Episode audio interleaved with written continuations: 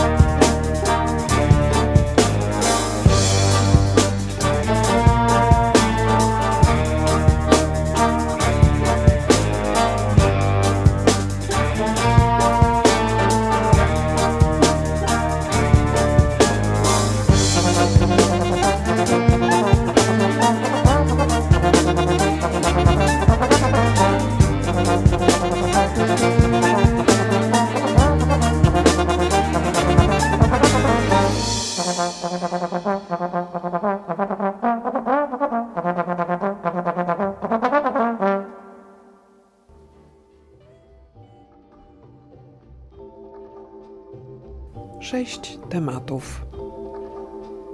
Ta audycja powstaje jako dźwiękowa wersja czasopisma NN6T. Notes na 6 tygodni jest, jak sama nazwa wskazuje, o sprawach bieżących, ale też o takiej teraźniejszości, która widzi przyszłość. Zapraszamy na spotkania z osobami działającymi na styku sztuki, designu, architektury i szeroko rozumianych badań życia społecznego. NN6T, czyli N jak nasłuch, N jak nadawanie, 6 jak 6, T jak temat. W tym odcinku zawód na A. Odzyskiwanie potencjału. Futereł na życie. W zaklętej krainie liter. Sieciowanie wizualności. Wydobycie. Zapraszamy.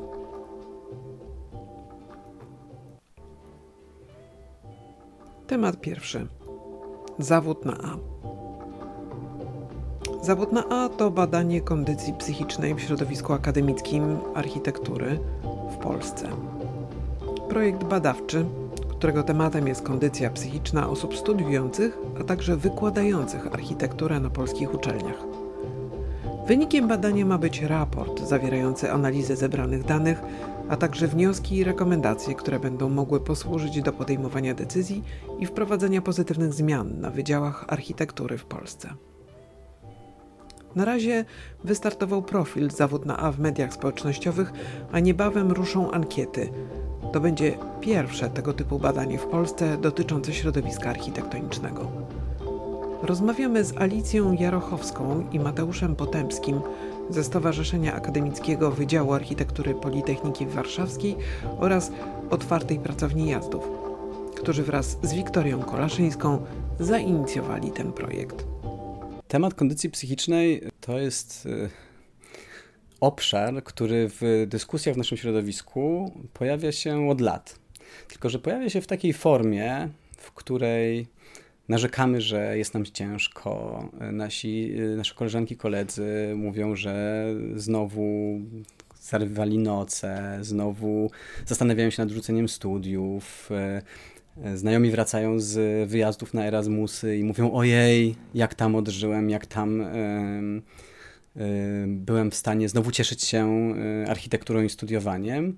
I te dyskusje, i te mm, hasła, a także znacząca informacja zwrotna od uczestników naszych wydarzeń, które organizujemy, edukacyjnych, że po prostu nie mają siły w nich uczestniczyć, bo są tak przytłoczeni studiowaniem na naszym wydziale, na Warszawskim Wydziale Architektury, mm, że postanowiliśmy że trzeba coś może zrobić i co możemy w tym kierunku zrobić, żeby nam było lepiej w środowisku, ale także, żeby w ogóle coś się może zmieniło. No i tak doszliśmy do wniosku, że trzeba zacząć od zdiagnozowania sytuacji. Nie wiemy, czy nam się tylko wydaje, że tak jest i po prostu mamy akurat taką bańkę znajomych, że nasze stowarzyszenie przyciąga ludzi, którym jest ciężko, czy to jest jednak jakieś zjawisko, które występuje na dużą skalę. No, mamy podejrzenie, że występuje, ale dopiero badanie nam to pokaże. W tym momencie przygotowujemy ankietę, już jesteśmy w sumie w końcowej fazie przygotowań. E, będziemy pytać o to, jak się ludzie czują, czy odczuwali jakieś konkretne objawy wypalenia w ostatnim czasie. Będziemy pytać o to, czy przeżywają negatywne stany kondycji psychicznej na studiach, jak sobie z nimi radzą. Wa warto chyba zauważyć, że tworzymy też nie, nie, jedną ankietę, bo dwie, bo badamy zarówno osoby studiujące, jak i osoby wykładające. I tutaj należy wymienić y, członka naszego stowarzyszenia, który y, jest też obecnie dziekanem wydziału. Mm, który odegrał swoją rolę podczas przygotowywania projektu, bo konsultowaliśmy go z nim y, i on zwrócił uwagę, że no to jest system, który jest od siebie zależny. I ja y, no z czasem uważam, że to jest strzał w dziesiątkę. To jest bardzo ważne, że nasze badanie nie będzie badało tylko osób studiujących, ale także nauczycieli. Więc w tych ankietach no, trochę pytamy o różne rzeczy. One są częściowo podobne i staramy się, żeby były maksymalnie podobne. I to są te rzeczy, które wy, wymieniła mm, Alicja. I tutaj Mm, część badania będzie takimi ustandaryzowanymi narzędziami psychologicznymi, przygotowanymi przez naszych e, członków naszego zespołu badawczego. I te obszary, o których powiedziała Alicja, to jest e, także to, że pytamy o specyfikę naszej profesji i naszego studiowania, bo to jest dosyć ważne. Czy, czy rzeczywiście jest coś w studiowaniu architektury, co wpływa szczególnie na tą kondycję psychiczną? Bo no może być tak, że w ogóle obecnie ludzie w, będący na studiach, te, te pokolenie, y, może się mierzyć z wyzwaniami, y, które są nie tylko specyficzne dla naszego zawodu. My staramy się, będziemy się starali to wychwycić i dlatego zwracamy uwagę na takie rzeczy, które, które właśnie mocno wybrzmiewają w różnych dyskusjach, jak temat y, misyjności architektury tak, które się mm, oczywiście, że, że pojawia już na studiach, a nawet wcześniej, jak ludzie wybierają ten kierunek, czy, a, a z misyjnością y, wiąże się ego na przykład. Jest też temat właśnie takiego kultu niespania, albo może inaczej kultu takiego dużego zaangażowania, przepracowywania się w imię tej y, architektury. No i tutaj no, w dyskusjach naszego zespołu badawczego padło takie hasło, czy projektanci y, w kiepskim stanie, w kiepskiej kondycji psychicznej są w stanie projektować przestrzenie, które są dobre. No i wydaje mi się, że to pytanie jest zasadne. Też myślę, że możemy dodać, y, że dlaczego, y, to, dlaczego badamy środowisko akademickie, wynika trochę z tego, że uważamy, że część problemów, które są w zawodzie, może mieć swoje źródło mm. na studiach, tym jak ze sobą komunikujemy, jak się czujemy i tak dalej, i jakie nam się wykształcają na studiach przekonania w ogóle o tym zawodzie. To się bardzo odzwierciedla później w pracy.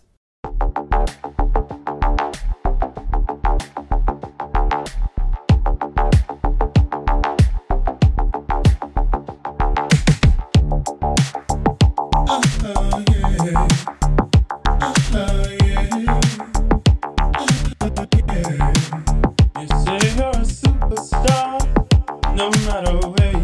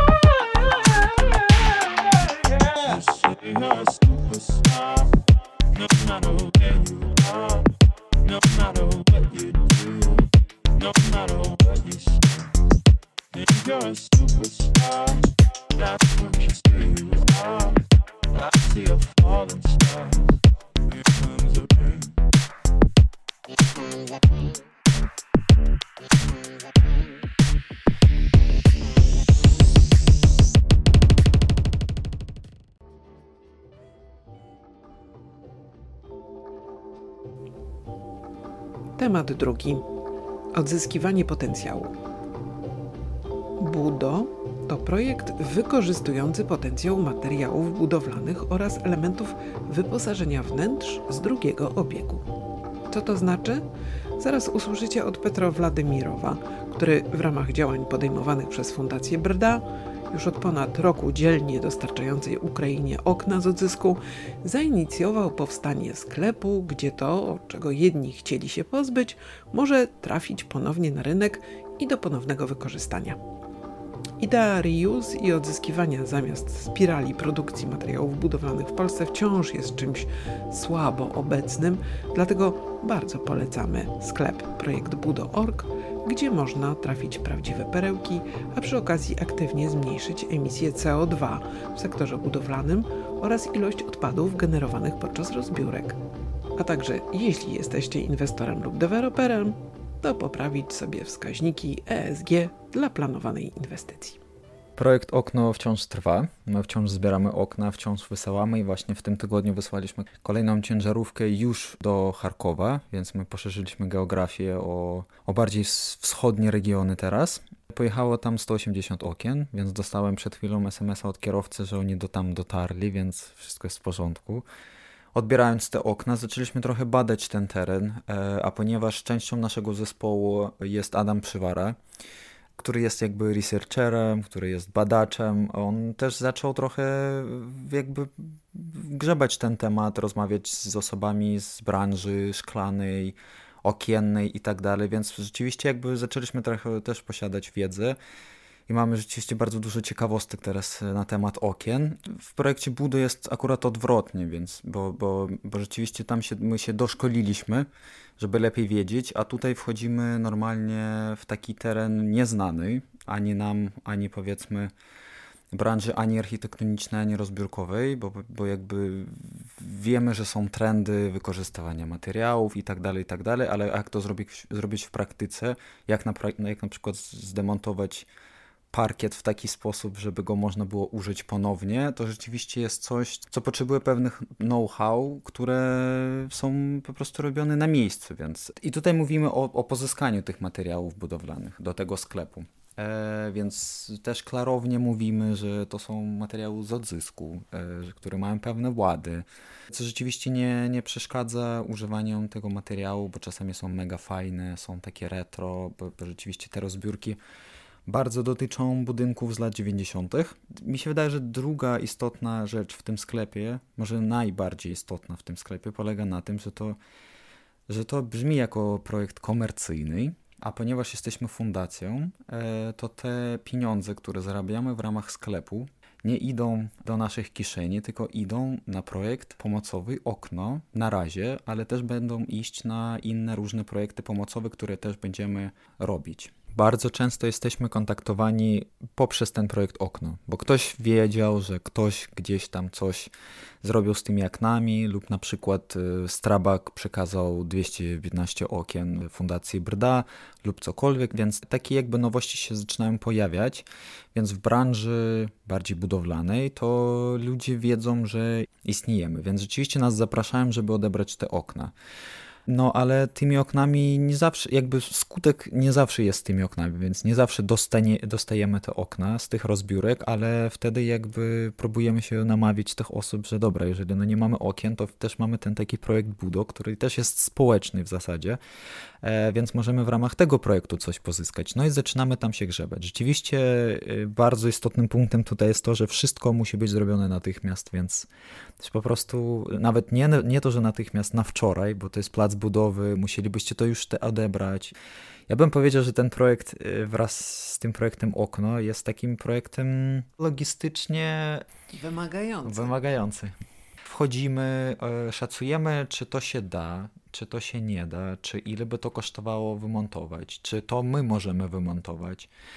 E, więc tutaj się zaczyna na miejscu, na placu budowy ta cała rozkmina, co, co możemy, co nie możemy. Na stronie my mamy różne drzwi, elementy oświetlenia i tak dalej, które na pewno się nadają do reuse. Więc to są materiały, które na pewno bierzemy do sklepu.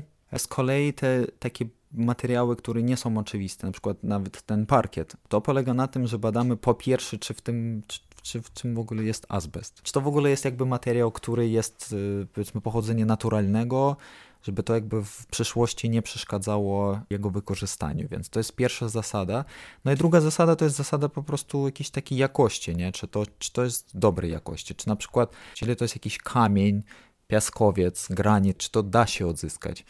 Więc tutaj jest cały czas jakaś taka jakby próba zrozumienia, czy to się nadaje, czy to w ogóle ktoś będzie kupował, czy, czy na przykład kwestia odzyskania tego jest y, droższa niż ten sam materiał. Czy...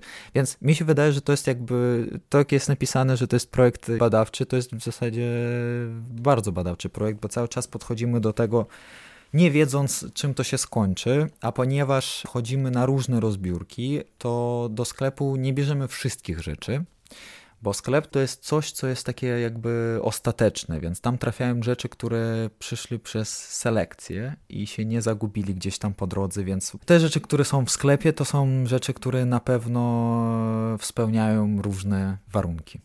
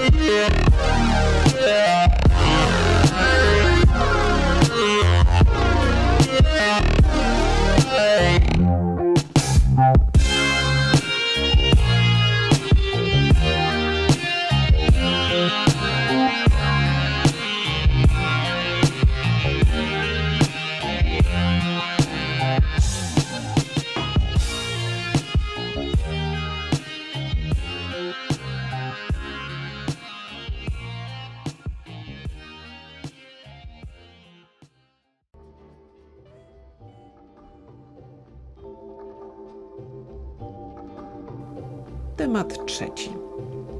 Futerał na życie. Badaczka designu i jego społecznych konsekwencji, Agata Szydłowska, w wydanej właśnie książce Futerał o urządzaniu mieszkań w PRL-u błyskotliwie łączy historię społeczną, opowieść o przemianach politycznych i kulturowych z bogactwem materiałów i świadectw. Futerał to nowatorska opowieść o mieszkaniu jako jednym z centralnych obiektów zmartwień, trosk, zabiegów, dumy, snobizmów i zradności pokoleń Polek i Polaków i nic się w tym względzie nie zmieniło. Agata Szydłowska zaczyna swoją opowieść po II wojnie światowej, kiedy deficyt mieszkań zmuszał do największej kreatywności. Pokazuje, jak promocja nowoczesności trenowała w zamieszkiwaniu w miastach ludność napływającą we wsi, wpisując się w szeroko zakrojony projekt inżynierii społecznej. Z autorką rozmawialiśmy podczas jej dyżuru w Bęc Księgarni, która to księgarnia jest beneficjentką programu własnego Instytutu Książki Certyfikat dla Małych Księgarni i bierze też udział w konkursie na ulubioną księgarnię Warszawy. Tych odkryć było oczywiście sporo, one były mniejsze lub większe. I du- dużo było jakichś takich małych sa- satysfakcyjek, które się w którymś momencie pojawiały, jak y, na przykład przeglądałam jakieś materiały archiwalne. I, I jakąś taką satysfakcyjką na przykład było czytanie relacji z mm, badań i w ogóle odwiedzin w ruderach warszawskich, które mm, ludzie stawiali y, głównie no, na jakichś takich miejscach, które nazywa się nieużytkami, albo na jakichś takich, al- albo na terenach domków działkowych, ogólnie w takich e, niezagospodarowanych częściach Warszawy. Ludzie sami własnym sumptem, było oczywiście nielegalne, stawiali rudery. No i ba, badacze i badaczki, którzy odwiedzali użytkowników tych ruder, tak odnotowywali z takim jednak em, zdziwieniem, jak im gorsza rudera, tym bardziej zadowoleni mieszkańcy, że oni naprawdę byli bardzo dumni z takiej swojej przemyślności, że one czasami wy wyglądały, jakby z tego opisu można wnioskować, że wyglądały jak jakieś takie najgorsze ziemianki. Natomiast to, że w ogóle ktoś e, sam z siebie w ogóle jakoś tak oszukał ten system i w ogóle pozasystemowo dla siebie zorganizował jako takie miejsce zamieszkania, to było źródłem jakiejś niesamowitej satysfakcji. Więc to w ogóle nie są takie smutne historie właśnie o takich biednych ludziach, którzy żyją w tych ruderach, tylko właśnie o ludziach, którzy trochę przechytrzyli system. Przynajmniej to tak z tych o, opisów wynika.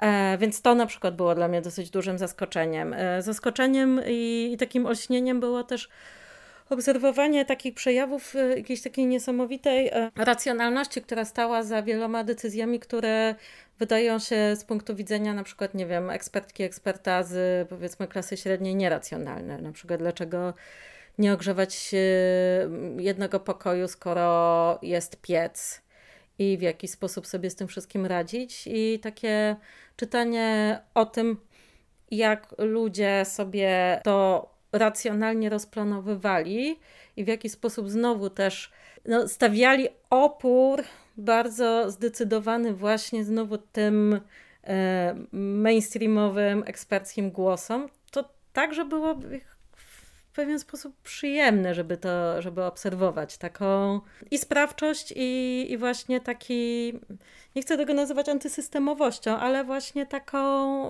mm, mo- mocne wyrażanie własnego zdania i własnych, y, i, i ekspresja własnych stylów życia. Myślę, że było kilka takich równoległych opowieści i, i norm, które ze sobą nawet nie koegzystowały, one ze sobą, y, one były dla siebie konkurencyjne i, i zupełnie się nie spotykały. To znaczy były te normy mody i standardy wyznaczane przez y, ekspertki, ekspertów, którzy projektowali, publikowali, pokazywali, szkolili, uczyli, organizowali jakieś konsultacje. No i oczywiście mnóstwo poradników. No, widać zresztą po i nakładach, i wznowieniach, i w ogóle liczbie tytułów, jak bardzo to była kwestia paląca, która naprawdę wszystkich e, bardzo interesowała i myślę, że ludzie tym naprawdę żyli. To znaczy od strony ekspertów była jakoś tam em, zauważona, nie wiem, potrzeba em, wyszkolenia ludzi w bardzo normatywnie przez nich rozumianym, e, prawidłowym zamieszkiwaniu. Natomiast myślę, że ludzie także kupowali nawet niekoniecznie po to, żeby coś dokładnie zrealizować zgodnie z wytycznymi, ale nawet z ciekawości, żeby przejrzeć. Myślę, że, że te, te książki były jednak kupowane, że po prostu to urządzanie się było naprawdę czymś, co ludzi bardzo, bardzo absorbowało i było takim węzłowym momentem w ogóle w życiu.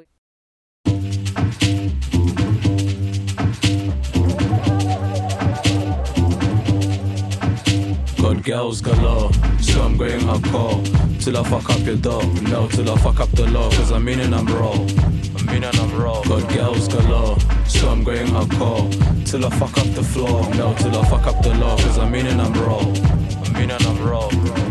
Boys, you better mamela. I'm a ninja, Mike Casella.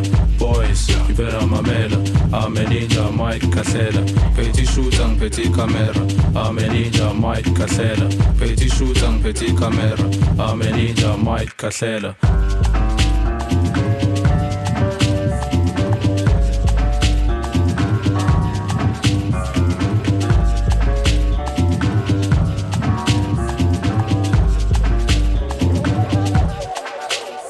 Taking it slow.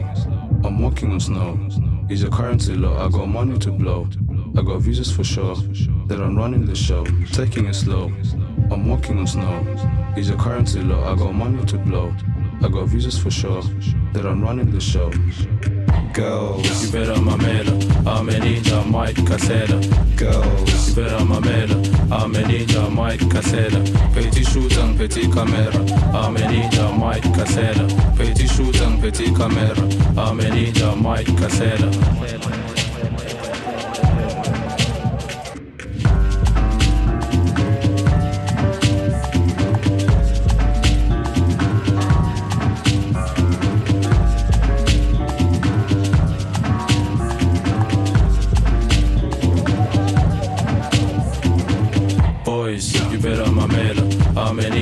Mike Casella.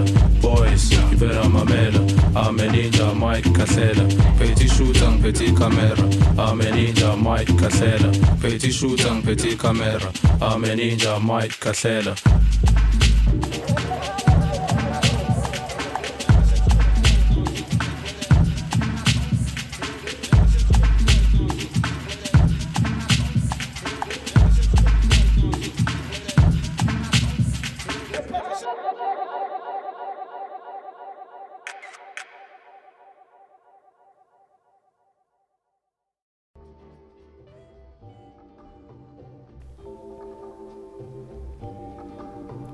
Czwarty. W zaklętej krainie liter. Bogato ilustrowana publikacja o życiu i twórczości Bronisława Zelka ukazała się dzięki projektantce i typografce Małgorzacie Bartosik, która nie tylko książkę o tym wybitnym projektancie, artyście, eksperymentatorze, typografię napisała, ale w dodatku sama ją wydała dzięki uruchomionej kampanii na Kickstarterze. Bronisław Zelek zaprojektował ponad 100 plakatów. Jego plakat do filmu Alfreda Hitchcocka Ptaki, jako jeden z nielicznych polskich dzieł tego gatunku, znajduje się w zbiorach MoMA w Nowym Jorku. Z autorką rozmawialiśmy podczas jej dyżuru w Księgarni, która, przypominamy, bierze udział w konkursie na ulubioną księgarnię Warszawy. Bronisław Zelek najbardziej znany jest jako plakacista, ponieważ w latach 60. i w latach 70. był y, przedstawicielem Polskiej Szkoły Plakatu i y, na początku lat 70. wyjechał z Polski do Austrii i wtedy zajął się projektowaniem krojów pisma, więc jakby jego, jak- jego zmienił sobie dziedzinę na projektowanie krojów pisma i y, w ostatnich latach życia był malarzem dodatkowo. Więc generalnie był bardzo osobą, która lubiła zmieniać dziedziny, którymi się zajmuje i jakby nigdy nie ustawał w poszukiwaniach i cały czas chciał robić coś nowego i stąd po prostu sze- szerokie zainteresowania i szerokie pole działania. Kiedy się zajmował y, tym projektowaniem krojów, to y, jego kroje, które tworzył, były tak jakby wpisywały się w te trendy i za ten najsłynniejszy krój New Zelek y, dostał nawet nagrodę Super Type y, w 1974 roku. I ta nagroda była y, przy- przyznawana przez y, francuską firmę Mechanorma i to był y, jakby y, dostał ją w wyniku głosowania projektantów z siedmiu krajów. No i to już to samo już świadczy, bo konkurencja była bardzo duża, więc samo to już świadczy o tym, że, y, że jakby ten krój był rzeczywiście taki bardzo jak na tamte czasy rewolucyjny, ale też był w trendach. No i jakoś przyjął się zarówno za granicą, jak i dotarł też do Polski. Jakby on był wydawany na, w letrasetach, czyli w tych takich arkuszach suche, suchego transferu, ale y, kiedy zaczęła się era druku cyfrowego, to y, było dużo wersji digitalizacji jego kroju. W związku z tym, jak się patrzy na wykorzystanie tego jego kroju w różnych częściach świata, czy nawet, czy nawet w samej Polsce, to, y, to może być tak, że jest na przykład pięć liter A i każda z tych liter A jest inna. Więc to jest bardzo ciekawe. Jak ktoś się interesuje typografią i liternictwem, to to zjawisko jest super ciekawe. No i generalnie jakby ten krój jest na tyle uniwersalny, znaczy no jest akcydensowy, więc też nie jest, jest tylko do użytku y, do jakichś, y, nie wiem, tytułów, headline'ów, do okładek płyt. Y, Nie jest krojem tekstowym, ale jakby we wszystkich krajach świata tak naprawdę można powiedzieć, że się przyjął. I nie wiem, ja jak na przykład jeżdżę gdzie, gdzieś w jakieś dziwne miejsca, to idę sobie, nie wiem, środkiem jakiejś tam szosy na plażę i nagle patrzę, a tam jest szyld y, niuzelkiem. Ostatnio byłam w Rumunii, to też jakiś szyld w ogóle jakiegoś starego zakładu fotograficznego. Także po prostu widać, że ten y, krój funkcjonował już od lat 70., bo są stare użycia tego kroju i one cały czas jeszcze są, czy jakieś właśnie stare murale na przykład, więc generalnie no po prostu na wszystkim, wszędzie, a takim najbardziej znanym, najbardziej renomowanym może y, użyciem kroju to jest y, w y, logotypie Microsoftu z, z lat 80. No już nikt pewnie tego nie pamięta, ale myślę, że to jest y, no, takie bardzo fancy, że ktoś nawet użył jego kroju do logotypu Microsoftu, także no po prostu, gdzie się nie obejrzymy, to jest gdzieś newzelek na pewno. Wydaje mi się, że jest taki bardzo ponadczasowy też, bo skoro mógł być używany w latach 70. i został zdigitalizowany w latach 2000 i nadal jest używany przez projektantów y, z wielką ochotą i to takich renomowanych projektantów i w super projektach, to myślę, że to jest jakaś jego taka y, zaleta, że jest po prostu ponadczasowy, nie starzeje się w ogóle.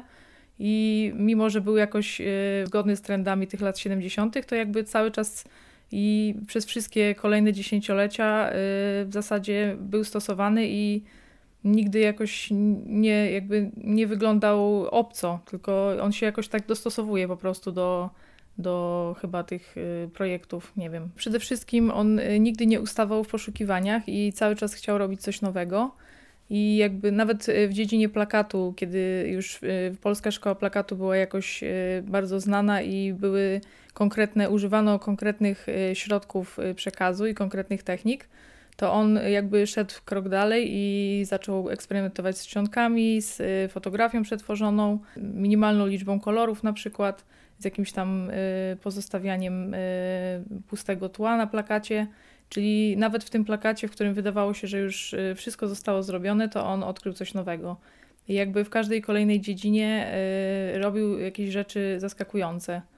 Także myślę, że po prostu naj, najważniejsze u niego było to, że, że cały czas poszukiwał jakichś, jakichś nowych doznań i był bardzo inspirującą osobą i też taką bardzo otwartą na, na wszystkie nowości. Nie zamykał się w tym, co, co już umie i po prostu do końca życia robił to samo, tylko jakby cały czas patrzył do przodu.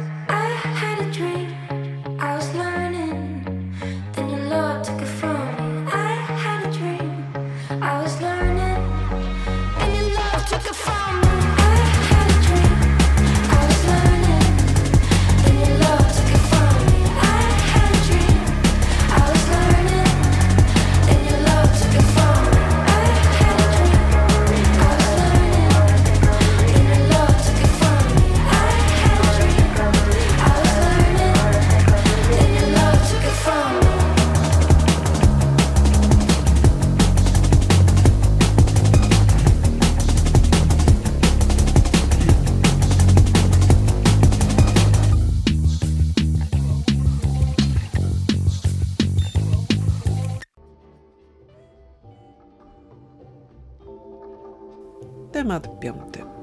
Sieciowanie wizualności. Na początku września w Warszawie odbył się festiwal Eastern European Design, który przyciągnął osoby aktywnie zajmujące się tworzeniem, badaniem i promowaniem projektowania wizualnego z całej Europy. Tematem głównym była prezentacja potencjału środowisk projektowych z Europy Środkowej, Centralnej i Południowej, a celem sieciowanie profesjonalistów działających w branży projektowania wizualnego, stworzenie okazji do wymiany doświadczeń, a przede wszystkim tworzenie wspólnych projektów na przyszłość. O inicjatywie rozmawiamy z René Wawrzkiewiczem, jednym z organizatorów wydarzenia. Wydaje mi się, że jest kilka takich tematów głównych. Oczywiście zależnie od kraju to się bardzo różni, ale generalnie spektrum jest podobne i, i ten obszar jest podobny. Na pewno nad wszystkimi tymi krajami wisi no, taki mm, cień, no, tak to nazwę, cień historii, tak? Bardzo determinuje to projektowanie. Niby już minęło tyle lat od, od, od, od komunizmu i przeszłej epoki, ale to cały czas jakby wpływa i, i, i, podobnie jak w Polsce się środowiska projektanci referują do tego. No też oczywiście referują do tego, co było e, przed wojną, więc e, to jest o wiele bardziej ta nutka nacjonalistyczno-narodowo, nie wiem jak to nazwać, jest, no wpływa. Nawet jeśli ludzie mówią, że to nie jest istotne, to jednak jest to istotne. Następna rzecz y, to chyba to, że te wszystkie mm, rynki, te wszystkie środowiska jednak funkcjonują w trudnych warunkach. E, mniejsze budżety, mniej globalnych, e, lokalnych marek, e, no mniej wyrozumiali albo mniej, świadomi klienci, więc no siłą rzeczy to projektowanie jest inne, jest czasem może mniej interesujące. No tak jak powiedziałeś, często wpływa jakby aspekt polityczny, no bo, no bo jednak wpływa na nas e, to, co się dzieje dookoła i sytuacja e, ekonomiczna. E, więc te warunki są, mówiąc kolokwialnie, no, nie za dobre. Kolejna rzecz, taki może mm, pozytywna, porównując do rynków zachodnich, z kolei można o wiele więcej tutaj rzeczy zrobić. Pod jakim względem?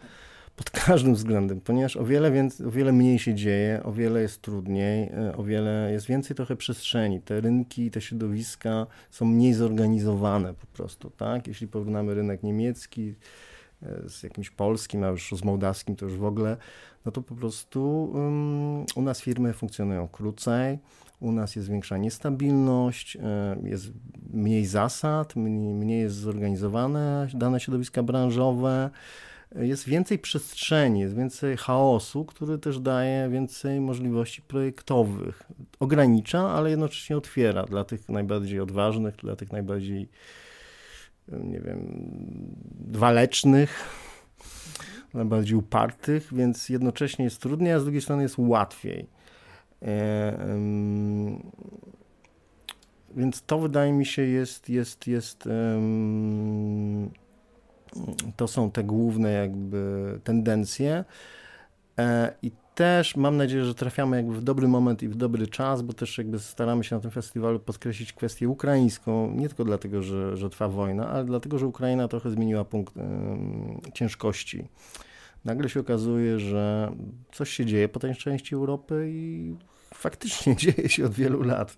Więc chcemy wejść w ten taki dobry moment i starać się jakby monitorować, łapać, co się dzieje w tej części Europy i jakby pokazać się. Jakby moim takim też konikiem hobbystycznie jest na przykład sprawdzanie, ilu projektantów z Europy Wschodniej, czy w ogóle spoza Europy występuje na znanych konferencjach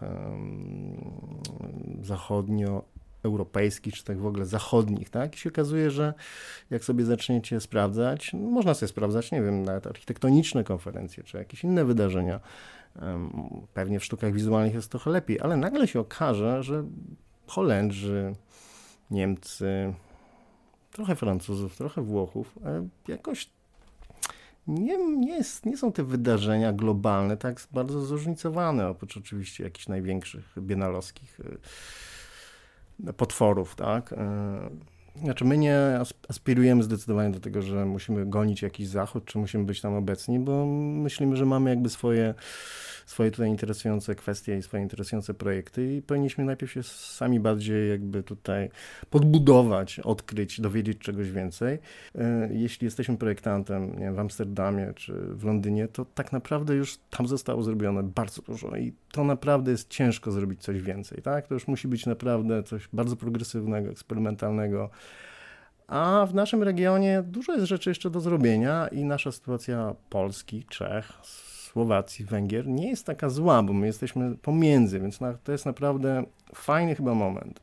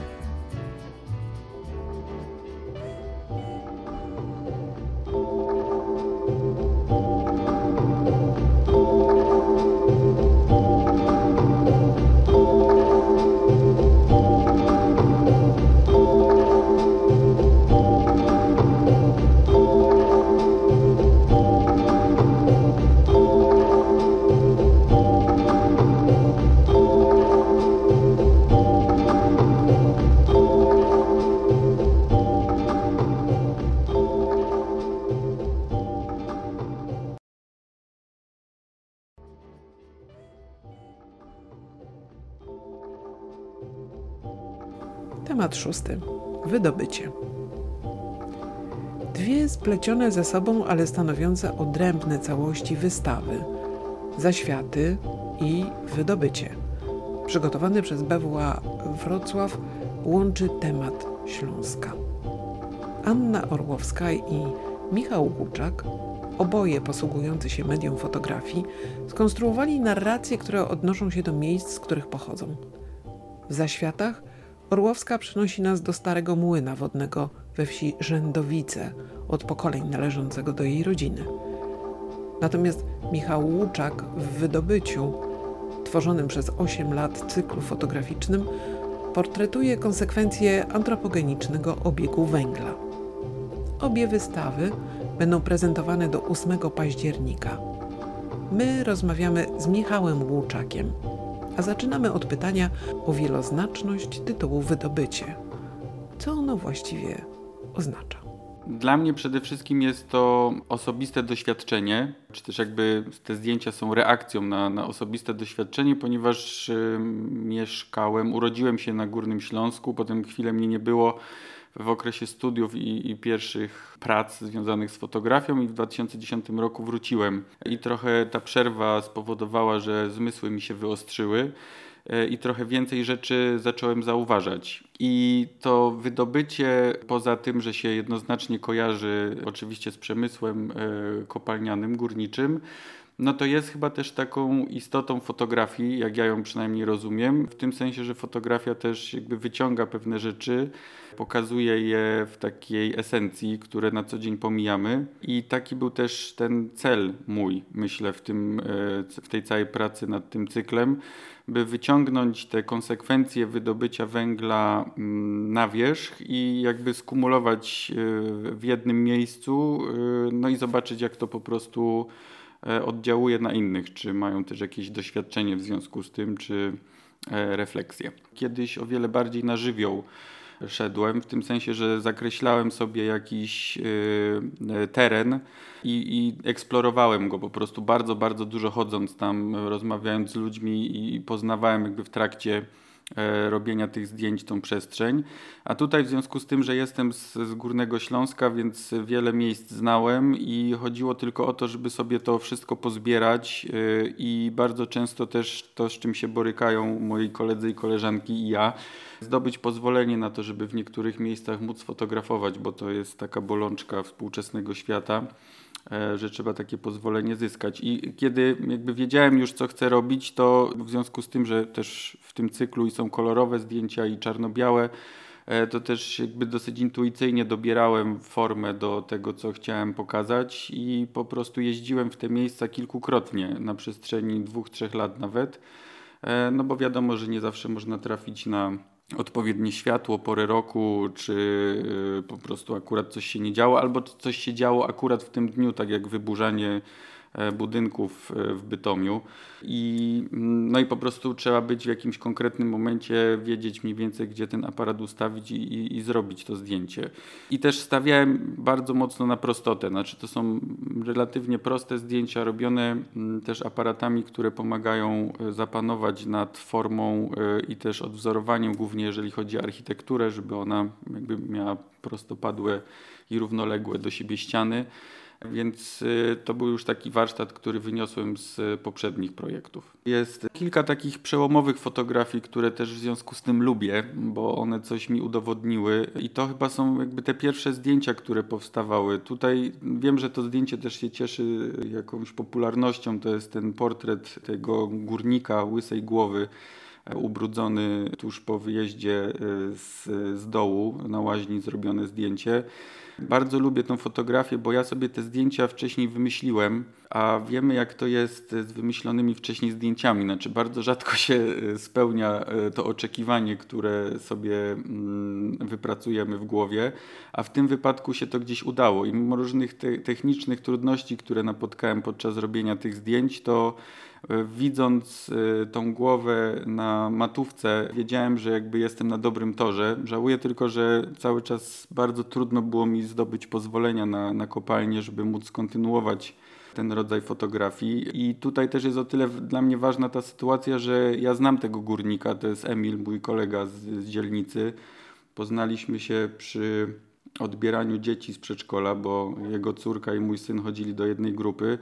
Więc w tym sensie też dla mnie ta sytuacja jest, y, mówiąc kolokwialnie, po prostu fajna, że to się też jakoś odbywało w, w ramach tego mojego kręgu ludzi, których znam i z którymi przebywam na co dzień. I też była dla mnie bardzo znamienna reakcja żony Emila, która jak zobaczyła to zdjęcie, to mimo tego, że jest jego żoną, i że przez tyle lat się znają i temat pracy gdzieś tam w rozmowach codziennych się pojawia, to stwierdziła, że nie wyobrażała sobie, że oni aż tak wyglądają po tej pracy.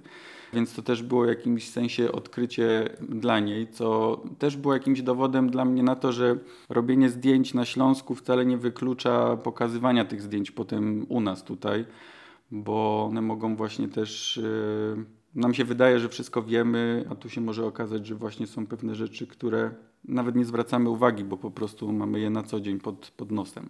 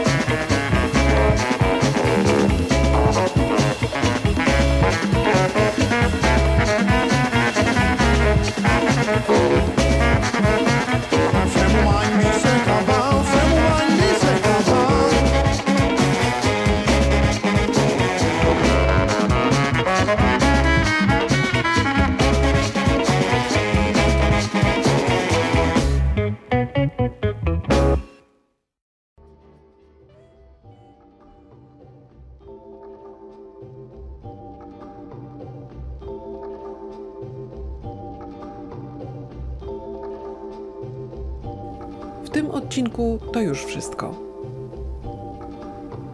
Pełne wersje rozmów znajdziecie w naszym kanale podcastowym Benz Radio oraz w drukowanym i elektronicznym wydaniu czasopisma NN6T.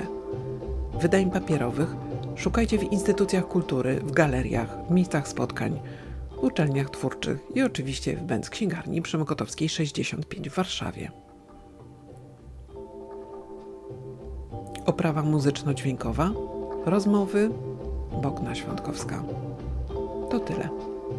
Jeśli podobała Wam się nasza audycja, wesprzyjcie Fundację Będzmiana na Patronite. Tymczasem do następnego razu i do zobaczenia na wyborach.